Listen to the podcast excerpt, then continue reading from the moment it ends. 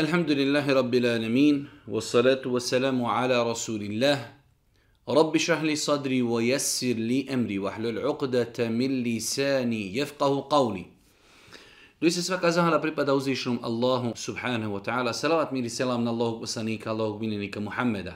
alayhi salatu wa salam Njegovu časnu porod, uzorite ashabe i sve ljude koji slijede put istine do sudnjega dana. Uvažna braći i poštovani sestre, uvažni gledatelji, Evo nas u još jednoj emisiju u se družimo sa vašim pitanjima i vašim dilemama. Ovo je, ako smo dobro brojali, naša 81. emisija u kojoj u prosjeku pokušavamo da, znači, 30, 40 do 50 vaših pitanja, odgovorimo na njih i damo odgovore na vaše dileme. Prvo pitanje večeras, volio bi znati o mački u islamu. Čujem kako je to sunnet, dosta puta sam čitala kako nije sunnet i tako dalje. E, kada je u pitanju ova nejasnoća i dilema, možemo kazati sljedeći, e, Veoma često se putem interneta širi tekstovi u kojima se spominje da je držanje mačke sunnet, što apsolutno nije tačno. da bi se određenu stvar kazali da je sunnet, moramo imati dokaz iz Kur'ana ili sunneta Božih poslanika ali se u kojoj se ta određena stvar spominje kao pohvalna da ćemo ako uradimo nešto imati nagradu. Mačke jesu spomenute u hadisma Božih poslanika ali se letu selam u kontekstu da su one čiste. Božji poslanik samim tim dao nam je propis, ako insan ima mačku u kući, a u to vrijeme su mačke bile i potrebne, znači jednostavno da bi kuću čuvale od miša i tako dalje, pa je Allah poslanik ljudima dao propis mačke su čiste zbog toga što one mnogo kruži oko vas i boravi samo u vašim kućama. Ali to nikako ne znači da je držanje mačke sunnet i onaj ko bude držao mačku da će biti nagrađen. On će možda biti nagrađen zato što hrani životinju, ali na taj način on će biti nagrađen da drži bilo koju drugu životinju i tako dalje. Tako da nije ispravno kazati da je držanje mačke sunnet. Držanje mačke je mubah, dozvoljena stvar. Možemo za kućnog ljubimca imati e, ribice, mačku, ne znam, nija ptice, papagaja i tako dalje slično nešto, to mi ne smijemo imati i zabranju da imamo za kućnog ljubimca psa, jer je to zabranio Boži poslanik, se salatu veselam. Tako da mačku je dozvoljeno držati, a čovjek koji drži mačku ne može kazati, e, ja na ovaj način sam u ibadetu, imat ću zbog toga nagradu. Drugo pitanje, ako smatrate muslimanom osobu koja nije klanjala i preselila kao takva, a to se spomenuli u odgovoru 78, predavanje, zašto ste u prošlom videu 77 rekli da ne savjetujete ženi da se uda za muškarca koji ne klanja? Jedna osoba prati naša predavanja, da je Allah nagradi i pažljivo prati, pa je čula da smo u jednom od odgovora kazali da osoba koja ne klanja redovno, jednostavno, hm, nekad klanja, nekad ne klanja, da je takva osoba musliman. I mi smo tog uvjerenja, smatramo da osoba koja ne klanja redovno da je musliman. U nekim najširim krugovima islama, a njeno ostavljanje namaza je jedan veliki grijeh. Nakon toga smo imali pitanje gdje nas djevojka pita mogu li se, ja sam moralna česta pokrivena, udati za čovjeka koji ne klanja. Pa sam ja rekao ne savjetujem da se udate za takvu osobu. Zašto? Zato što je ostavljanje namaza jedan od najvećih griha. Ja nisam rekao nemoj se udavati, nije ona muslima. Ne. Nemoj se udavati jer je to osoba koja čini velike grijehe. Znači, ostaviti namaz je gori i veći grijeh nego da pije alkohol, nego da se kocka, nego da čini blud. Da, možda nekom je teško čuti takvu konstataciju, ali je to tačno. Ostavljanje grijeha je gori od bluda, gori od kocki, gori od alkohola, kako da onda preporučim nekoj našoj sestri muslimanci da se uda za čovjeka koji čini takve grijehe da je to gori od kocke, gori od bluda, bolje, gori od alkohola i tako dalje. Tako da, e, ako kažemo da insan koji je ostavio namaz e, je musliman, samim tim ne znači da je pohvalno da se sa njim stupi u brak. On jeste musliman, ali je on veliki, veliki griješnik, a svakako da našim sestrama muslimankama, pokrivenim, čestim, moralnim, ne savjetujemo da stupaju u grijehe, da stupaju u brak sa osobama koji su veliki, veliki griješnici.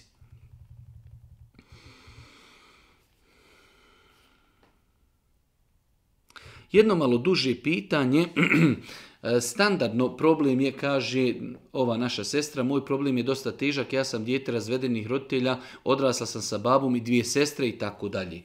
E, standardno pitanje gdje djeca odrastaju sa jednim od dva roditelja, svakako roditelj kada se razvedu iz njima poznatih razloga e, svako od njih zasniva ponovo porodicu i nerijetko se dešava da osoba kod koje nisu odrasla djeca znači da jednostavno zapostavi tu svoju djecu. Dobro, E, da li mi s aspekta islama, nakon što odrastemo, imamo obaveze prema tom našem roditelju koji nas nije podizao, nije odgajao, nije pazio? Apsolutno da. Po ovom slučaju, ako je djevojka odrasta sa ocem, odrasla sa svojim sestrama i braćom, ona i dalje ima obvezu prema majci. Njena majka će odgovarati pred Bogom kako se obhodila prema svome djetetu u redu ako se razvela od oca, trebala je nastaviti kontaktirati, e, paziti, iznositi ljubav, odgajati i tako dalje. Sve to majka nije uradila. Dobro, ona je pogriješila. Da li i ja da pogriješim prema njoj? Apsolutno ne. Ona će odgovarati za sebe i za svoje postupke na sudnjem danu, a ja ću za sebe. To je moja majka, ona je mene rodila, ja se nje ne mogu odreći, ja imam obaveze prema njoj. Tako da mi uvijek savjetujemo djecu, bez obzira o kakvim situacijama se radilo, da trebaju pokušati stupiti u kontakt sa svojim roditeljima, majkom ili ocem. Ako bude s druge strane želje i htjenja da ostanu u kontaktu, da im čini dobročinstvo, da im šalje e, poklone i tako da. To je ono što je nama naređeno, pa čak kad bi taj E, roditelj, kao što će doći u jednom drugom pitanju, bio ne musliman, nama je i dalje obaveza da mu činimo dobročinstvo. Mnogi ljudi su mi rekli da na jedan dan ne treba da isjećem nokte na rukama i nogama. Kaže, danas isjeci na rukama, sutra na nogama, nije lijepo, kaže da, će, da se isjeći na jedan dan, jer ako isjećem na jedan dan, kaže, će mi neko. Mnogi ljudi su mi rekli, pogledajte, pogledajte hrabrosti lude i hrabrosti u neznanju. Kaže, mnogi ljudi su mi rekli da ako sjećem nokte, jedan dan trebam sjeći ruke, drugi dan noge. Ako u istom danu sjećem nokte i ruku i nogu, će mi neko. Pogledajte neznanja, pogledajte sujevira, pogledajte džehla. Kako mi znamo kad će ko umrijeti? Gdje je logika ako danas režim ruke, e, nokte, od ruku ne smijem rezati noge? Nema logike. Sujevjer je u velikom broju slučajeva je suprotno e, racionalnim pogledima na život. Tako da ovakva e, fetva i ovako ponašanje je haram, neispravno, da ljudi govore o vjeri ono što ne znaju. S druge strane, znači, čovjek koji se spusti na level da sluša takve osobe je, znači, doista kritičan, ne smijemo takvim osobama vjerovati niti dozvoliti da pričaju u našem prisustvu o vjeri. Nema nikakve zabrane. Čovjek u toku dana osjeća nokte i ruku i nogu ili jedan dan ovo, drugi dan ono. To nema nikakve veze sa našim kaderom, sa sudbinom, kada će ko umrijeti. Rezanje noktu, nokata nema nikakve veze sa takvim stvarima. Evo to je pitanje koje smo malo prije nagovijestili. Moja majka je bila udata za pravoslavcem, a tako sam ja nastao. Početkom rata ja sam e, ja i majka smo otišli za Njemačku, otac je svojim putem, ja sam ostao u Sarajevu i tako dalje, odrastao uz da, e, dedu i nanu i tako dalje. U svakom slučaju, e, pitanje je da li dijete koje je izmiješano brat braka Majka je muslimanka, otac je pravoslavac, dijete odraslo uz majku, deklariši se kao musliman, odraslo uz djeda i nanu. Da li ima obaveze prema svome ocu? Apsolutno da. Bez obzira što taj otac nije dolazio, nije kupovao, nije finansirao, to je ono za što će on odgovarati ali minimalno što čovjek treba jeste da stupi u kontakt sa tim svojim e, roditeljom, da ga nazove, da ako ima mogućnost da se vidi, da porazgovaraju, da mu pokloni nešto, uglavnom da ostanu u kontaktu, da mu čini dobročinstvo jer je to njegov otac. To što je drugi vjere, to što je druge religije, to što ga nikada nije vidio, da, Znači, generalno kada roditelji zakažu prema djeci, možda djeca i ne osjete ljubav prema tom roditelju, tu roditeljsku ljubav, to je nešto drugo, ali mi govorimo o obavezama. Tako, bez obzira što je roditelj e, nije musliman, ostaje dobročinstvo i obavez dobročinstva, baš kao što Kur'an e, govori o tome i ako te budu navrać, navraćali, nagovarali da činiš širk Allahu, nemoj, poko, nemoj im se pokoriti ali i dalje se prema njima lijepo obhodi. Tako da dolazi su sad Božim poslaniku i pitali ga da li da činimo dobročinstvo našim roditeljima koji su nemuslimani, pa je Boži poslanik naređivao i dopuštao da im se čini dobročinstvo, tako da u ovakvim slučajevima dijete, bez obzira što je otac e, pravoslavac, nije musliman, treba sa njim stupiti u kontakt, zbog obavezi, a to je s druge strane jedan metod i način i put da čovjek tom tom čovjeku prezentuje na najljepši način, Vjerujem sam da indirektno kaže vidi ti si moj otac, ti si zakazao u mom odgoju, zakazao si, nisi ništa me izdržavao, ali ja i dalje zato što sam musliman imam obavezu prema tebi. Ako bude imalo imalo što bi rekao bude hajra u tom čovjeku, on će reći pa kakva je to plemenita vjera da dijete kojem nikad ništa u životu nisam valjao, ono meni uzraća zato što ga vjera tako odgaja. Možete li navesti s kime se žena sve smije rukovati i imati fizički kontakt, a s kim muškarcima, a s kojim ne, jer vjerujem da to mnogi ne znaju, a mnogo je opasna stvar. E, teško je sada pobrojati sve muškarce s kime se žena može rukovati, s kime ne. Najlakše je postaviti pravilo, a to je sve osobe koje su ženi trajni mahremi, ona se s njima može rukovati. Sve osobe koje su jednoj ženi trajno mahremi, ona s njima se može rukovati i može s njima putovati, može biti pred njima bez mahrama i bez hijjaba. Sve osobe koji nisu ženi trajni mahremi, sa njima se ona ne može rukovati, bez obzira da li to bila mlađa žena ili starija žena, tako da znači e, žena se može rukovati sa svojim ocem, sa svojim amidžom, sa svojim sinom, sa svojim bratom i tako dalje. To su sve krug muškaraca koji su trajno mahremi, ženi. Znači, e sada, ko je trajno mahrem, najbolje otići na internet i naći neki in, e, članak koji o tome govori koji muškarci su sve trajno mahreni, e, ženi s kime žena ne može nikada stupiti u brak. Da li je žena pred da li žena pred majkom smije otkri, biti otkrivenog stomaka? Da li žena čerka, znači smije da bude pred svojom majkom otkrivenog stomaka. Islamski učenjaci su generalno kazali da je avret ono što žena ne smije pokazivati ni svojoj majci, ni svojoj sestri, jeste dio tijela od pupka do koljena. To je ono što ne smije pokazivati. Sve mimo toga treba pokriti, ali ako postoji potreba, nije problem da se i pokaže. Tako da žena generalno ako nema potrebe pokriče stomak, nosit će košulju, nosit će majicu, ali u datom momentu možda ako ima neki udar, ako doji dijete ili se nešto preslači, pa da majka vidi njen stomak, ako Bog da ona nije griješna, ali se treba čuvati treba se čuvati. Ono što je haram da pokazuje jeste ono što je od pupka do koljena. Mimo toga treba pokriti i pred ženama, ali ako bi se to pokazalo i ukazalo u potrebi e, da li neko nekom pravi hijjamu, da li neko nekog previja, da li neko je pokazuje e, udarac ili ranu ili doji dijete, sve su to neke nazovimo i vanredne situacije u kojima ako se pokaže dio tijela koji je iznad pupka ili ispod koljena, ako Bog da žena nije griješna, ali svakako da treba da i taj dio tijela bude pokriven, makar žena bila i pred ženama. Da li je vjerodostojan hadis u kojem stoji da je Allahu poslani kazao kada sam stupio u arš, tio sam izuti svoju odjeću, tada sam čuo glas od Allaha, ne skidaj obuću, arš i kursi su počašćeni pod tvojom obućom i tako dalje. Jedan dug, dug, dug hadis Ovaj hadis znači nije vjerodostan, iako nažalost mnogo je raširen po internetu, pa čak je e, raširen i po nekim stranicama, internet stranicama po kojima nikako ne bi trebalo da se šire ovakvi hadisi, čak je prisutan i u hudbama i u knjigama ljudi e, u koje se pokazuje prstom da imaju ilm i znanje i tako dalje.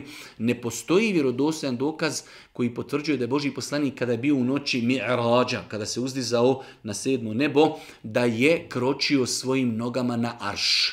Svaki hadis u kojem se spominje da je Boži poslanik nogama kročio na arš, nije vjerodostan. Tako da ovaj hadis je laž, neispravan hadis i samim tim nije ga dozvoljeno ni citirati, niti širiti, osim da čovjek ukaže na pogubnost tog hadisa da je to batil, neispravan, apokrifan hadis.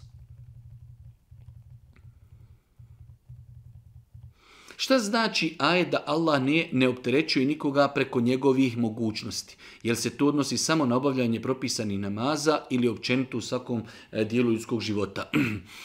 E, jedan od velikih principa vjere jeste la yukellifu Allahu nefsen illa wus'aha. Allah ne opterećuje insana preko njegovih mogućnosti. Nerijetko ovaj ajet ljudi neispravno razumiju E, pa ćete vidjeti da čovjek kaže ja radim, ne mogu na poslu da radim, da klanjam, Allah ne opterećuje insana preko njegovih mogućnosti. Nije to ispravno razumijevanje ovog ajeta.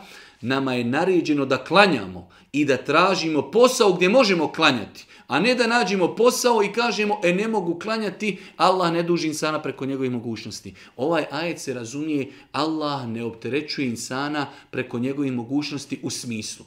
Čovjek je e, bolestan, ne može stajati, onda mi kažemo klanjaj sjedeći ili ležeći jer Allah ne opterećuje insana preko njegovih mogućnosti.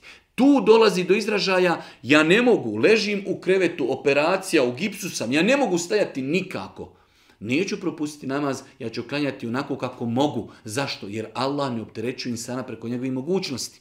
Ili imamo situaciju da šetan insanu došaptava određene stvari – insan ne može se oduprijeti potpuno pa kaži e, da li ću biti grišan za stvari koje je šetan došaptavao. Neće čovjek biti grišan zato što je to izvan granica njegove mogućnosti. I mnoge druge stvari, znači nešto što je izvan naše mogućnosti. Na to se odnose ovi kuranski ajeti. Čovjek bolestan, imao operaciju i nastupio Ramazan a nje, imaju operaciju na, na ne znam, nekim e, organima koji su vezani za čovjekovu probavu hrani i mi kažemo čovjek, moraš postiti. La yukellifullahu illa usaha. Čovjek je bolesnik, imamo ajete u kojima je Allah Žešanu jasno dozvolio bolesnicima da ne posti. Kad bi rekli tom čovjeku da posti, možda bi čovjek umru. Pa u takvim situacijama se odnosi Allah ne opterećuje insana preko njegove mogućnosti. Ali ne odnosi se ti ajeti na situaciju kada mi dobrovoljno odaberemo posao, na tom poslu ne možemo klanjati da kažemo Allah ne duži insana preko njegove mogućnosti. To je neispravan način tumačenja ovog ajeta. Interesuje me da li sam griješan ako sa svojim društvom prije džume odem u kafić u kojem se pije, puši i pušta muzika. Mi ne radimo ništa od navedenog, samo igramo bilijar i tako dalje. U svakom slučaju, e, ne doliči, evo minimalno što možemo kazati jeste da ne doliči vjernicima da budu u prostorijama gdje se toči alkohol, gdje se duhan konzumira, gdje se pušta muzika. Znači, e, mi jesmo govorili u jednom od naših odgovora da li čovjek može da konzumira hranu u nekom restoranu gdje se nudi halal hrana i e, hrana koja nije halal, ali smo rekli ako ikako može da nađe restoran u nema takvih stvari, bolje da tamo ode. Tako da ovdje mi nemamo potrebu. Zašto da čovjek odi u kafić u kojem ima alkohola, u kojem kojim se puši, u kojim se pušta muzika, ljudi piju alkohol i mi tu pored njih sjedimo, slušamo njihove nebuloze, psovke, duhan, e, muziku. Nemamo zatim potrebi. Razlika je kada čovjek gladan je, treba da ode u restoran, treba da jedi, a nema drugu opciju. I opet smo rekli, ako to može ikako izbjeći, neki izbjegne. Dok u ovakvoj situaciji, e, ne želim da kažem da je to haram, zato što insan tamo neće raditi ništa što je zabranjeno, ali ne doliči vjerniku da bude i na takvom mjestu.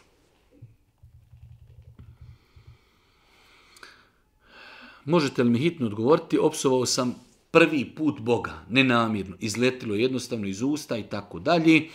Uostalo sam, u svakom slučaju, e, osoba družila je se sa ljudima u okruženju koji nekada psuju Boga, pa jednostavno jednom u životu mu je se desilo da je iz znači neznanja, baš kao što je ovdje došlo, nenamjerno opsovao je Boga. Šta uraditi u takvoj situaciji? Insan, bez obzira što je to uradio iz neznanja i što je to bilo nenamjerno, treba da se pokaja Allahu te bar zbog, zbog takvog dijela, da čvrsto odluče, to više nikada neće urati, da mu je žao što je to uradio i da još bolji kontroliše svoj jezik i ono što izlazi iz njegovih usta, svakako da se trudi maksimalno da iz svoga društva izbaci osobe koji imaju takve loše navike od kojih je i psovanje Boga. Jer insan kada se druži sa osobama koji imaju takvu naviku, jednostavno vremenom to postane i dio njegovog vokabulara, tako da insan, ako je to uradio iz neznanja i ako je uradio nenamjerno, nadamo se da nije griješan, treba da se pokaje, da čvrsto odluči to više nikada neće urati, da kontroliši dodatno svoj jezik i da iz svog društva izbaci osobe koje imaju takve loše navike.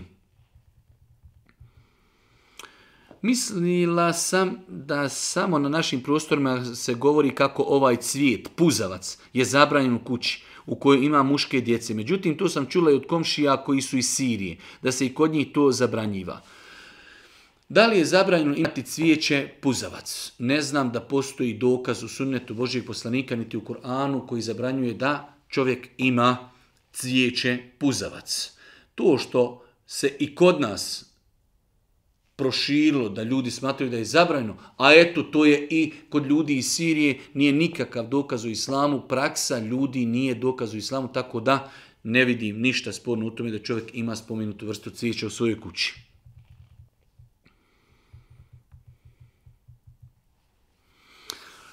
Pokrila sam se, moj muž mi u svemu tome podržava, njegovi roditelji nisu, e, znači, podržali pokrivanje ovih naše sestri, dobila sam mnogo uvreda e, zbog toga. s njima sam zbog toga prekinula kontakt, zanima me da li mi je obaveza da moram biti s njima u kontaktu. Nije ženi obaveza da bude u kontaktu sa roditeljima svoga muža. Svakako da je pohvalno i lijepo i zbog muža, i zbog njih, i zbog predstavljanja islama, da insan može da sa roditeljima svoga muža bude u lijepim kontaktima. Ali, a ako će to značiti da ja se moram e, odreći određeni propisa, odreći mahram, ako će me neko vrijeđati, onda meni nije obaveza. Muž nek ide, njegovi su to je njemu obaveza. Ali ako će neko nekoga vrijeđati zato što nosi mahramu i zbog toga ga psovati, vrijeđati, u toj situaciji ne vidim nikakav problem da žena ako ništa u jednom periodu malo, hajde da kažemo, stavi na hlađenje takve osobe, pa ako se vidi da su se pokajali, da su se promijenili, da neće više vršiti pritisak zbog toga što žena nosi mahramu, onda može ponovo početi odlasti kod njih, održavati odnose sa njima, a žena u osnovi nije joj tu obaveza, ali zbog zbog, e, što bi rekao, mira u kući, zbog e, ljubavi prema mužu, zbog e, respekta prema tome što su oni njegovi roditelji, ako može, ona će s njima održavati znači, veze, ali ako oni nju napadaju, vrijeđaju, miješaju se u njena vjerska pitanja, nema znači obavezu da ih obilazi. Da li se može u farz namazu nakon proučenih fatihe učiti više od jedne suri, na primjer sura Ihlas, sura Kuriš? Može. Nema nikakve smetnje da čovjek u toku namaza kada klanja, pa kada prouči znači, fatihu, pa prouči suru, ako želi jednostavno, ne zna možda mnogo sura, ako želi da e, klanja duži, da prouči na jednom rekiatu nekoliko sura, nema nikakve smetnji. Zabilježeno u hadijskoj bilježi i Buharija i Muslim, da je jedan ashab bio sa ashabima na putovanju i on im je bio e, nadređeni emir, pa kada god bi završavao namaz, znači on bi učio Fatihu suru i svaki put bi na kraju opet još dodao i suru Kulhu Allah, pa su ga znači, pitali zbog čega to radi, pa je kazao zato što ta sura govori o Allahu. Pa ja volim da završim svoj kirajet i učenje sa surom koja govori o Allahu subhanahu wa ta'ala. Pa kada su to spomenuli Božijem poslaniku, nije u koriju to što je on učio na jednom rekiatu više sura. Tako da nema smetnji da čovjek u jednom na jednom rekiatu, nakon fatije uči više sura. Božji poslanik je na noćnom namazu znao proučiti nekoliko sura, više različitih sura na jednom rekiatu.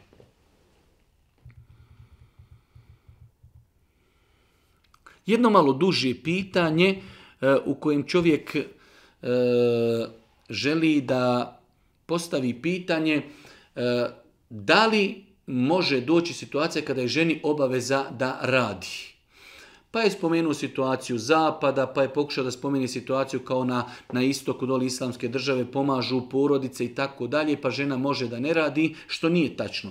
E, na istoku e, meni nije poznato da negdje države pomažu porodice, pa zbog toga žena ne radi. To nije tačna konstatacija. E, s druge strane, bez obzira što čovjek živi na zapadu, principi islama ostaju isti. Obaveza je muškarcu da obezbijedi egzistenciju za svoju suprugu, svoju djecu, da im obezbijedi hranu, piće i tako dalje. E sada, e, žena ako vidi da mužu ide teško, želi određene e, dodatne beneficije, želi da imaju, e, da kažemo, dio luksuza, pa da i ona nešto zaradi, to je nešto što je dobrovoljno, ali u svemu tome to je njen novac s kojim ona raspolaži. Da li se to nekom sviđalo ili ne, mi se time ponosimo u islamu da žena ako radi i privređuje, to je njen novac kojeg troši isključivo sebi i na sebe ili ako želi da na taj način pomogne mužu u izdržavanju porodci. Svakako da postoje situacije da žena ako radi, E, traži prilikom toga dozvolu od svoga muža za posao, on ako joj dozvoli ima pravo i da traži dio njenog novca od plate kako jednostavno dio vremena koji ona provodi izvan kuće da bi to ona kompenzirala tako što će ona određene obaveze u kući financirati, ali generalno je pravilo bez obzira na istoku i na zapadu bez obzira u kojem vremenu živjeli, muž je taj kome je obaveza da obezbijedi egzistenciju i stan, i hranu, i piće, i odjeću svojoj supruzi i svojoj djeci. Ženi to nije obaveza. Žena ako radi, to je njen novac koji isključivo troši ondje gdje ona želi. Osim ako je muž uvjetovao da će ju dozvoliti da radi uz određenu znači, e, nadoknadu, tada je njoj obaveza da se pridržava onoga što su se dogovorili. Da li sadaka za umrli može biti nešto drugo osim novca? Ja imam kravu da nekom je poklonim mlijeko i tako dalje. Može. Nema smetnje, znači, pošto za vrijeme Božih poslanika, ali se letu selam, e, možda i najmanje imetka je bilo imetak zlata i srebra, već znači sve ono što se može dati na ime sadaki, može se dati na ime sadaki, na ime nekog našeg medjita. Pa, kao što možemo dati 100 maraka e, na ime roditelja, za neku džamiju, za neku e, operaciju, isto tako možemo dati nekome kilu jabuka, litar mlijeka, kilu sira ili šta ja znam, bilo šta drugo, sve ono što što možemo mi nekome dati na ime sadake, možemo to nanijetiti da bude sadaka za našeg medjita.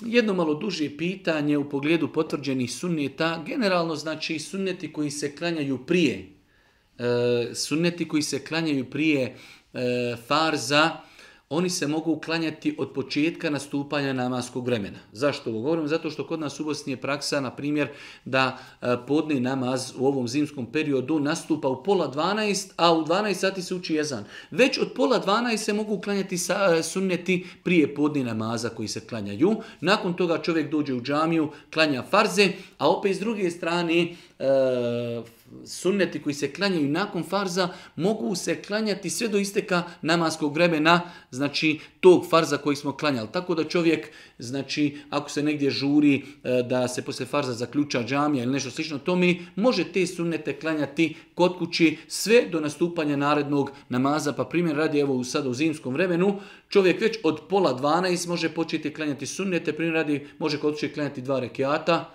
nakon toga doći u džamiju kada uči ezan. U periodu dok ljudi klanjaju četiri rekiata, on će lagano klanjati dva rekiata, skrušeno, lagano. Nakon toga će klanjati e, farze, a dva rekiata sunnita nakon podni namaza može klanjati ponovo kod kući.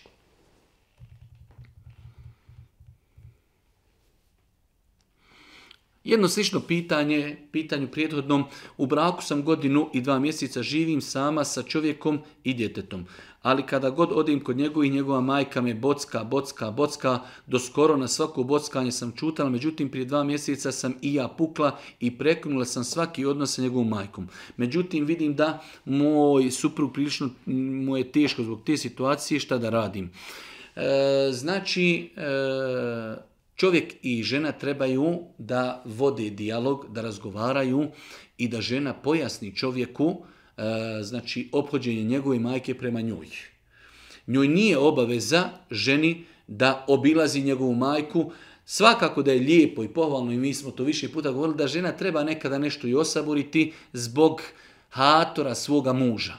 Ali ako to prelazi granice, ako je to prozivanje, provokacije, bockanje kontinuirano, nema nikakve smetnje da znači snaha malo se povuče, da malo eh, smanji kontakte, da malo smanji dolaske, E, svakako da to muž treba da razumije, a i žena treba da razumije svoga muža. On bi najviše volio da je relacija i kontakt između njegove majke i njegove žene na nekom lijepom, e, znači na, na lijepoj relaciji, ali ako to već nije, onda malo žena treba da bude spremna da osabori zbog svog muža, a i muž, muž treba da shvati da njegovoj ženi to nije obaveza, iako njegova majka prijeđe određene granice, njegova supruga ima potpuno pravo da znači obustavi i činjenje dobročinstva i obilazak njegovih roditelja.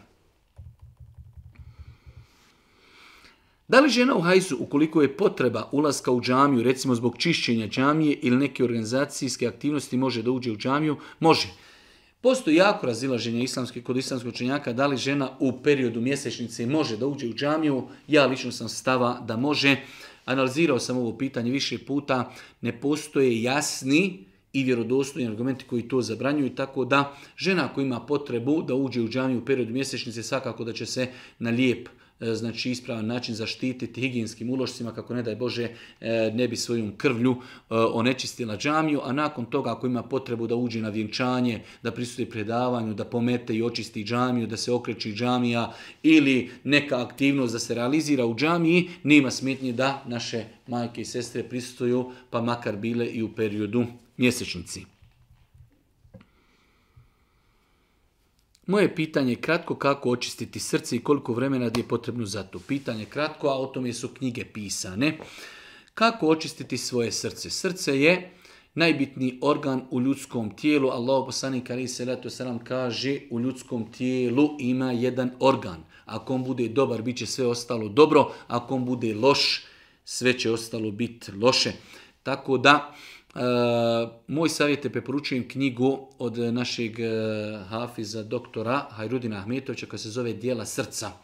Jedna izuzetno kvalitetna, dobra knjiga koja baš govori o tome. E, u svakom slučaju proces liječenja i čišćenja srca nije lagahan, traje sigurno dugo, shodno koliko je srce zaprljano, koliko, shodno u kakvom periodu i vremenu i prostoru živi, ali u svakom slučaju jedna od najbitnijih stvari koju čovjek mora posjetiti pažnji jeste briga o srcu, e, o imanu, o srcu, o hlaku, o moralu, e, o dijelima koja su vezana za srce, o bolestima koja mogu zadesiti srce, tako da moj savjet je rezimirano da preporučujem knjigu Dijela srca od našeg doktora Hafiza e, Hajrudina Ahmetovića.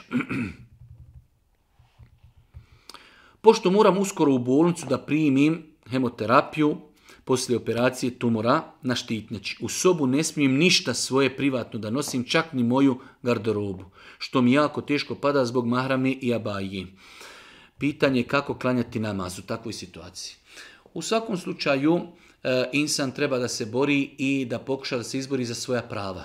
Znači, žena treba da kaže da je vjernica, da praktikuje namaz, da pita e, po pravilniku e, bolnice šta je to čime ona smije da pokrije svoju kosu, znači e, da pokuša da usaglasni pravilnik bolnice sa znači e, njenom potrebom. E, u većini slučajeva nadam se da se može naći rješenje uz lijep dijalog, uz lijepu molbu, nadam se razumijevanju, nadam se razumijevanju osoblja, doktora i ostalih, ali ako bi privatili činjenicu da je žena E, mora biti na toj terapiji, a nema mogućnost da pokrije znači, kosu. E, žena će se potruditi da na bilo koji način pokrije svoju kosu, ali ako bi došla do te mjere da se boji da će namasko vrijeme proći, a nije mogla da nađe ili su je zabranili da pokrije kosu, klanja će otkrivenije kosi. Klanja će otkrivenije kosi onako kako može. Allah insana e, ne opterećuje e, preko njegovih mogućnosti, poduzeti sve što može da traži, da pita, da zamoli na lijep način, da prihvati činjenicu, da donese od kuće bijelu, mahramu i tako dalje. U svakom slučaju da maksimalno poduzme sve što može da e, se ispravno e, šerijetski pokrije prilikom obavljanja namaza. Ako bi joj to neko zabranio i sporio, a ima potrebu da tu bude jer je ta terapija joj obavezujuća, onda će klanjati namaz u situaciju u kojoj se nalazi. Kada žena rodi dijete, čije prijezime da uzme majčinu ili očevo? Svakako, ne znam da postoji razilaženje kod islamskoj činjaka da se dijete pripisuje lozi svoga oca. Tako da prilikom rađanja djeteta, znači dijete uzima prezime svoga oca. Jedno malo duže pitanje jednog našeg brata koji ima problem sa e, time što ne može kontrolisati mokraću, tako da mu je potrebno neki 15 ili 20 minuta nakon mokrenja da se očisti spolni organ, da prestane znači isticanje mokraće, tek nakon toga može abdesti. Nekada se desi da zbog toga ne može e, stići namaz u džematu. U takvoj situaciji insan nije griješan. Jer mi smo rekli da insan koji ima nekontroliranu mokraću može biti u dvije situacije. Može biti od osoba koji kontinuirano imaju problem sa mokraćom, takva osoba će kada nastupi namasko vrijeme uzeti abdest i klanjat će namaz, pa čak i u džematu, bez obzira da li izgubila abdest ili ne. Za razliku od osoba koji imaju periodično znači problema sa e, mokraćom. E, u većini slučajeva je to je neki period 10, 15, 20 minuta nakon mokrenja treba sačekati da se spolni organ očisti od mokraći. E, u, takvoj, u takvim slučajima insan će prije ezana na 15-20 minuta ako ima potrebu obaviti fiziološku potrebu i nakon toga abdestiti i stići na namaz. Ali ne može čovjek svaki put tako rati, tako da ako se desi da ezan uči, a čovjek treba da objavi fiziološku potrebu, nakon koji 15 minuta treba čekati da se očisti od mokraći, on će čekati nakon toga abdestiti, ako može stići u džemat može, ako ne može klanjat će sam i nije griješan zbog toga, ali mu je obaveza da sačeka isticanje mokraći.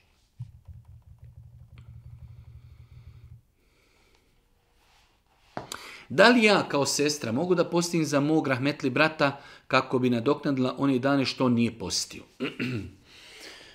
Ovdje ima nekoliko pitanja. Prva stvar, da li se može postiti za medjita? Ima hadis koji bilježi imam Buhari i Muslim da je Allah poslanik kazao ko umri, a ostao je dužan postiti, za njega će postiti njegov, njegov staratelj. Prva stvar, ako se u ovom pitanju misli na post kojeg je neko nije postio iz nemara. Čovjek bio onako zdrav, mlad, Ramazani prolazi i sad on umro, e haj sad ćemo mi im posti za njega. To ne dolazi u obzir i nije ispravno. Dozvoljeno je postiti post za insana koji je bio bolestan i u toj bolesti umro. Pa kažu islamski učenjaci, ako je insan bio bolestan i nije dio dana postio. Nakon toga je bio period kada je on to mogao napostiti, ali eto ono, hajde na pošću nekada poslije. E, za takvu osobu se dani mogu napostiti. Da li će to biti majka, sestra, otac, za njega se može napostiti. Znači, uvjete da je bio bolestan, da je ozdravio, imao je mogućnost da posti nije napostio, tada za njega mogu napostiti njegovi znači e, bližnji. Ako je bio bolestan i nije postio i umro je u toku bolesti, nije imao vremena kad će to napostiti, za takvu osobu se ne napašta pust. A rekli smo treća je kategorija, čovjek nije postio onako iznemara, za takvu osobu se ne napašta post. Znači, imamo tri kategorije. Imamo osobu koja nije postila iz nemara, za nju niko neće postiti. Imamo osobu koja nije postila jer je bila bolesna. Pa je nakon toga ozdravila, ona treba da napusti tokom cijele godine. Pa nije žurba, pa znači i nakon toga je osoba umrla, eh, mogu bliži, znači rođaci od tog medjeta da napustiti njegove dane. Imamo osobu koja je bila bolesna u periodu Ramazana, i nije poslala određene dane i u toj bolesti umrla. Za takvu osobu se neće napaštati ti dani. Da li musliman smije koristiti kao lijek svinsku mast? Rekli smo da je svinja zabranjena u islamu za konzumirati, njeno tijelo je kompletno nečisto, pa i njena mast. Ako neko ima potrebu da konzumira svinsku mast, onda je to dozvoljeno koristi samo za vanjsko korištenje, znajući da je to nečistoća koju čovjek mora prije namaza neprestano ukloniti i ukloniti, znači oprati odjeću koja se dotakne sa tom nečistoćom.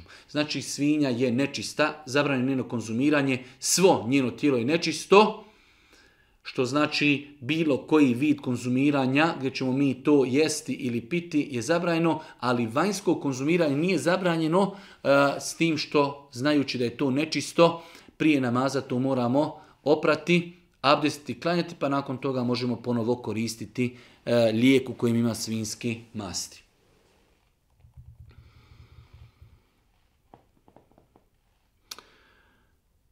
Pročitao sam da zekijat ne daju dužnici. Ako ja imam nisab za zekijat, ali pritom imam auto na leasingu, znači dužan sam.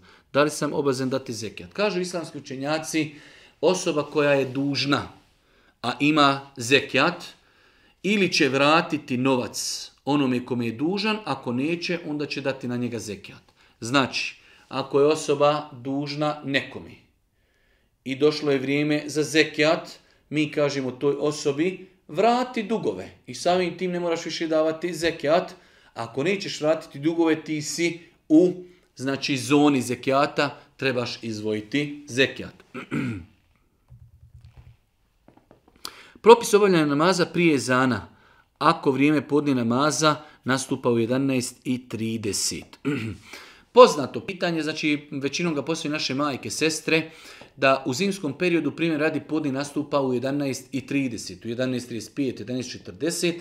Da li one moraju čekati da se ezan uči u džami pa da klanjaju ili mogu klanjati ranije? Mogu klanjati onog momenta kada budu sigurne da je nastupilo namasko vrijeme. Pa primjer radi, ako znamo da ne znam, danas je nastupilo podne vrijeme, e, vrijeme podne namaza u 11 i 32 minute, nakon 11 i 32 minute žene u kućama mogu klanjati, pogotovo ako imaju neku potrebu, žele da idu e, u školu, shopping ili ne znam, bilo koju drugu potrebu, nema uopšte nikakve e, obaveze da čekaju učenje ezana u džami. Da li se može pred saba 5 ili 10 minuta klanjati noćni namaz. Noćni namaz se može klanjati do sabaha.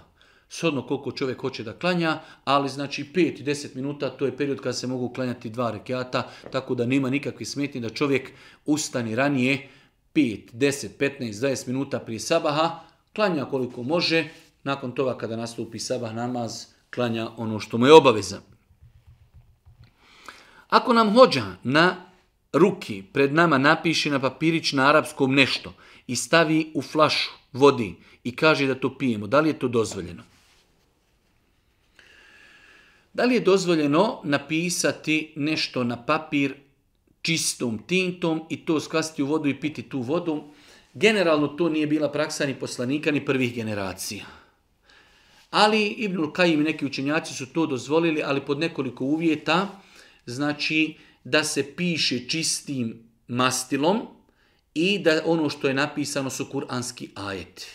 U ta dva slučaja, ako se takav papir znači skvasi i voda da se popije, inšala. to su dozvoli određeni učenjaci, ali pod dva uvjeta, znači da tinta kojom se piše je od čiste materije. Oni to navode u arapskom, na primjer, da bude e, znači boja e, za'ferana, šafrana, šafranom, da se nešto ispiše i da se pišu kuranski ajeti. Ovdje se kaže napisao je nešto. Moramo znati šta je napisao i mora se pisati sa čistom tintom kako kad se to saperi da se to onda može piti. U svakom slučaju e, ja sam stava da je bolje pridržavati se ispravnih i potvrđenih načina metoda liječenja kao što je učenje ruke, učenje Kur'ana, zikrullahi, e, učenje zikrullaha, učenje dove, učenje zaštite, korištenje zemzema, korištenje meda, korištenje čurekuta. Sve su te stvari koje su potvrđene sunetom Božih poslanika.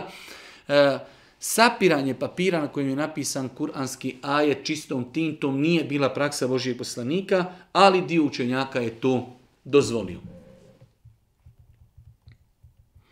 Možete li pojasniti kako i kada se čini sehvi sežda? Jedno veoma dugo pitanje, da bi pojasnili ovo pitanje potrebno nam je sahat vremena prije toga da e, pojasnimo e, dijelove namaza. Namaz, u namazu imamo nešto što je sunnet pohvalno, imamo nešto što je vađib, imamo nešto što je rukn. Sehvi sežda se može činiti samo za stvari koje su vađib. Ne može se sehvi sežda činiti za ruknove, znači čini se samo za ono što je vađibu namazu i ako smo to izostavili u zaboravu. Što znači kada bi vađib izostavili namjerno namaz je pokvaren. Ne može se znači sehvi seža činiti za ruknove, ne može se činiti za vađibe koji smo namjerno preskočili, može se samo činiti za vađibe koji smo preskočili kao što je prvo sjedinje etehijatu u četverorekiatnu namaz. Kada imamo podni namaz i Klanjali smo dva rekiata i zaboravimo, ustanimo na treći. To možemo nadoknati sehvi seždom. Znači prva je stvar zašto se čini sehvi sežda za vađib kojih smo izostavili u zaboravu. Ako bi vađib namjerno izostavili, namaz je pokvaren. Kada se čini sehvi sežda, generalno pravilo je ako smo nešto oduzeli u namazu, kao u slučaju podni namaz, klanjamo i zaboravili smo prvo etehijatu, ustali smo na treći rekiat, tada smo nešto oduzeli, nismo klanjali i nismo učili tehijatu, tada se uči dvije seđde prije predavanja selama. Znači učimo je tehijatu, salavate i dovu. Nakon toga kažemo Allahu Ekber, učinimo seždu, vratimo se Allahu Ekber, opet Allahu Ekber sežda, vratimo se i tada predamo selam. To je znači situacija kada u namazu nešto skratimo. Ako u namazu nešto dodamo, klanjali smo dva rekeata, pa smo ustali na treći, pa nakon trećeg smo Pogriješili i opet smo učili tehijatu. Dodali smo nešto. Ili smo ustali na peti rekiat. Opet smo nešto dodali. Tada se sehvi sežda čini nakon selama. Predamo selam i nakon toga još dvije sežde uradimo. To je neki rezime, a znači detaljstveno oko sehvi sežde trebalo bi nam sigurno jedan sahat vremena, znači da detaljno o tome govorimo. Opet pitanje, e, ako supružnici e, imaju oralno naslađivanje, da li im je obaveza se kupaju, pa smo kazali ako supružnici e, imaju oralno naslađivanje u kojem nije došlo do ulaska muškog spolnog organa u ženski spolni organ, ako je to bilo samo oralno naslađivanje i ako nije došlo do ejakuliranja sjemena, i ako nije došlo do orgazma, nije im obaveza se kupaju. Znači, samo oralno naslađivanje supružnika ne obavezuje gusulom ali ako je došlo do ejakuliranja sjemena ili do orgazma, onda ona je supružnik, muškarac ili žena koji je to doživio, njemu je obaveza da se kupa. Htio bi da pitam da li je lak za nokte koji prodaju kao halal lak za nokte i tako dalje, da li je validan abdest ili nije i tako dalje.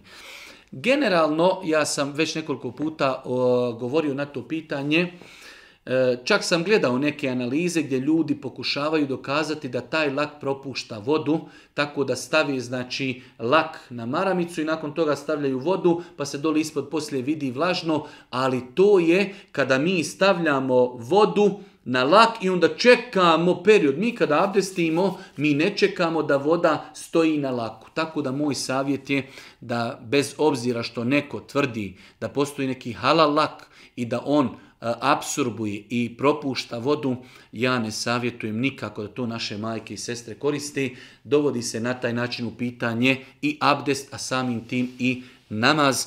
Tako da moj savjet ako sestra već želi da koristi lak na dozvoljen način, prilikom izlaska iz kuće žena ne može lakirati nokte jer je to ukras kojeg ne mogu gledati muškarci, ali ako žena želi da lakira nokte u svojoj kući ili će ići negdje na predavanje pa će nositi rukavice ili će ići negdje kod neke sestre na kahvu pa će obući rukavice, onda može nalakirati nokte u periodu hajza, nifasa ili između namaskih vremena, znači klanjala je podni, može nalakirati nokte, otići kod sestre na kahvu, vratiti se, prije kindije skinuti lak i to je jedino što može uraditi. Da li je dozvoljeno djetetu dati dva imena? Na primjer, Musa Amar. E, ne savjetujem, ne kažem da je to haram, ali nije to bila praksa znači, e, boži poslanika, ali se letu selam, da znači, insan ima u jednom imenu dva imena. Da u jednom imenu ima dva imena, tako da e, ako bi to insan uradio, ne kažemo da je uradio haram, ali je bolje i prioritetnije da insan ima jedno ime. Pitanje broj 35. Samo mi kaže, recite čemu vam služi ta brada i da li je poslanik Mohamed imao bradu. Moja brada služi i pokazuje nasljeđenje Božih poslanika, ali i salatu služi kao pokazatelj pokornosti onome što je naredio Boži poslanik, ali se letu selam, Allahov poslanik u više hadisa je opisan. Boži poslanik je znači od strane njegovih ashaba opisivan. U svim tim hadisima stoji da je Allah poslanik ali se letu selam imao bujnu bradu koja je bila u nekoj dužini baš, znači dužini šaki. Zato su neki ashabi kada bi išli na hađ ili na umru kratili svoju bradu na dužinu šake, zato što je to bila dužina bradi Božih poslanika, ali se letu nam pa je Božji poslanik praktično imao bradu, Božji poslanik je naredio puštanje bradi, Božji poslanik je zabranio brijanje bradi, tako da to su sve faktori zbog kojih muslimani treba da imaju bradu. Znači zato što je to praktično nosio poslanik, zato što je svojim riječima naredio puštanje bradi i zato što je zabranio brijanje bradi. Tako da to su e, tri i tekako jaka argumenta iz kojih proizilazi da je puštanje brada, bradi muslimanu obaveza, vađib i da je njeno brijanje haram zabranjeno. Kada se kolje kurban za e, dijete novorođenča akika, da li je obavezno klanjati dva rekiata, kao što je to tradicija u našem narodu, e, nema nikakvog utemeljenja u sunnetu Božijeg poslanika niti u Kur'anu da osoba koja kolje akiku treba da prije klanja akike ili poslije klanja akika klanja dva rekiata. Znači, akika je e, žrtvovanje životinji ili evo kao što kažu kurban koji se E, čini prilikom nakon rađanja djeteta na sedmi dan rođenja djeteta e, i ne postoji nikakav namaz koji se vezuje za klanje akiki.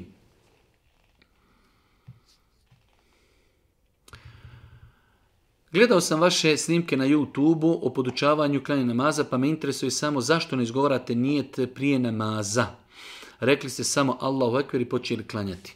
Ne izgovaramo nijet zato što to nije radio Boži poslanik. Svi hadisi u kojima je opisan namaz Božeg poslanika ne spominju da je Boži poslanik niti ko njeguje je niti ko od prve tri e, generacije umjeta nije nijet izgovarao naglas, tako da je izgovaranje nijeta naglas čista novotarija. Da ne govorim o tome što kroz tu novotariju opterećujemo ljude, početnike, znači u islamu sa velikim opterećenjem, dok čovjek nauči 20 nekih različitih nijeta, podni, sabah, ikindija, akšam, jacija, sunneti, farzi, bajram jedan, bajram drugi, dženaza, muško, žensko, odraslo, sve su to različiti nijeti e, za kojima nema nikakve potrebni, potrebe dovoljno je čovjek stani znači e, na seđadu i kaže Allahu Ekber, a on u srcu zna da li je to podni, da li je to akšam, da li je to sunnet, da li je to farz, tako da znači Boži poslanik nije izgovarao nijet naglas i mi ga ne izgovaramo i izgovarati nije naglas je novotarija.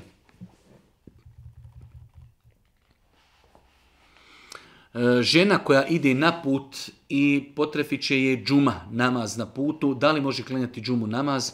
Žena koju potrefi džuma namaz na putu može klanjati džumu. U osnovi musafiru, muškarcu ili ženi nije obaveza klanjati džumu muškarcu ili ženi. Ali ako se već žena potrefi u džami, zaustavila je se petkom, putuje i zaustavila je se u džami, ljudi klanjaju džumu, da li može klanjati džumu? Može klanjati džumu i taj dan ne mora klanjati podni. S tim što, ako je klanjala džumu, s tom džumom onda ne može spojiti i kindiju namaz.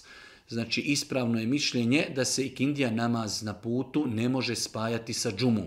Ne može se spajati sa džumom, ali rezime odgovora žena koja putuje, zaustavila se svojim čovjekom da klanjaju negdje u džami i džumu, ona može zajedno sa muškarcima klanjati džumu i taj dan ne treba klanjati podni namaz.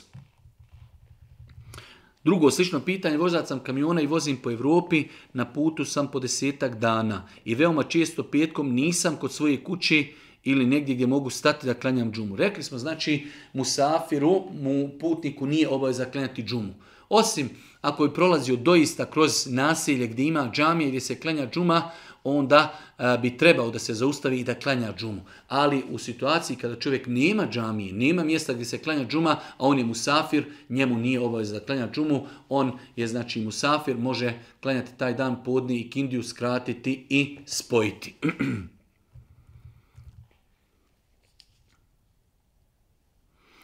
Da li je pitanje, kaže, da li je grijeh kupiti, na primjer, mami i sestri krofnu, a drugoj sestri ne kupiti? U smislu pitanje da li smo obavezni kada kupujemo članovima porodice poklone da budemo pravedni, da, isti svime, da svima kupujemo iste poklone? Nije obaveza. Nije obaveza eh, kada roditelji daju poklone djeci, tada trebaju da budu pravedni i da se trude da pokloni budu e, isti ili slični, ali ako djeca kupuju roditeljima poklone i ostalim članovima poroci, nije obaveza. Svakako da je lijepo i pametno i mudro da insan gleda da se neko ne bi naljutio, da jednostavno gleda kako će to izvesti, ali da je obaveza da bude pravedan, da svima isto kupi, to nije obaveza. znači, može se desiti da dijete kupi, e, ne znam, neki poklon danas majici, sutra ocu, prekustra jednom bratu, preko preko strasestri i tako dalje, nije znači obaveza da svima kupuje ili poklanja isti pokloni.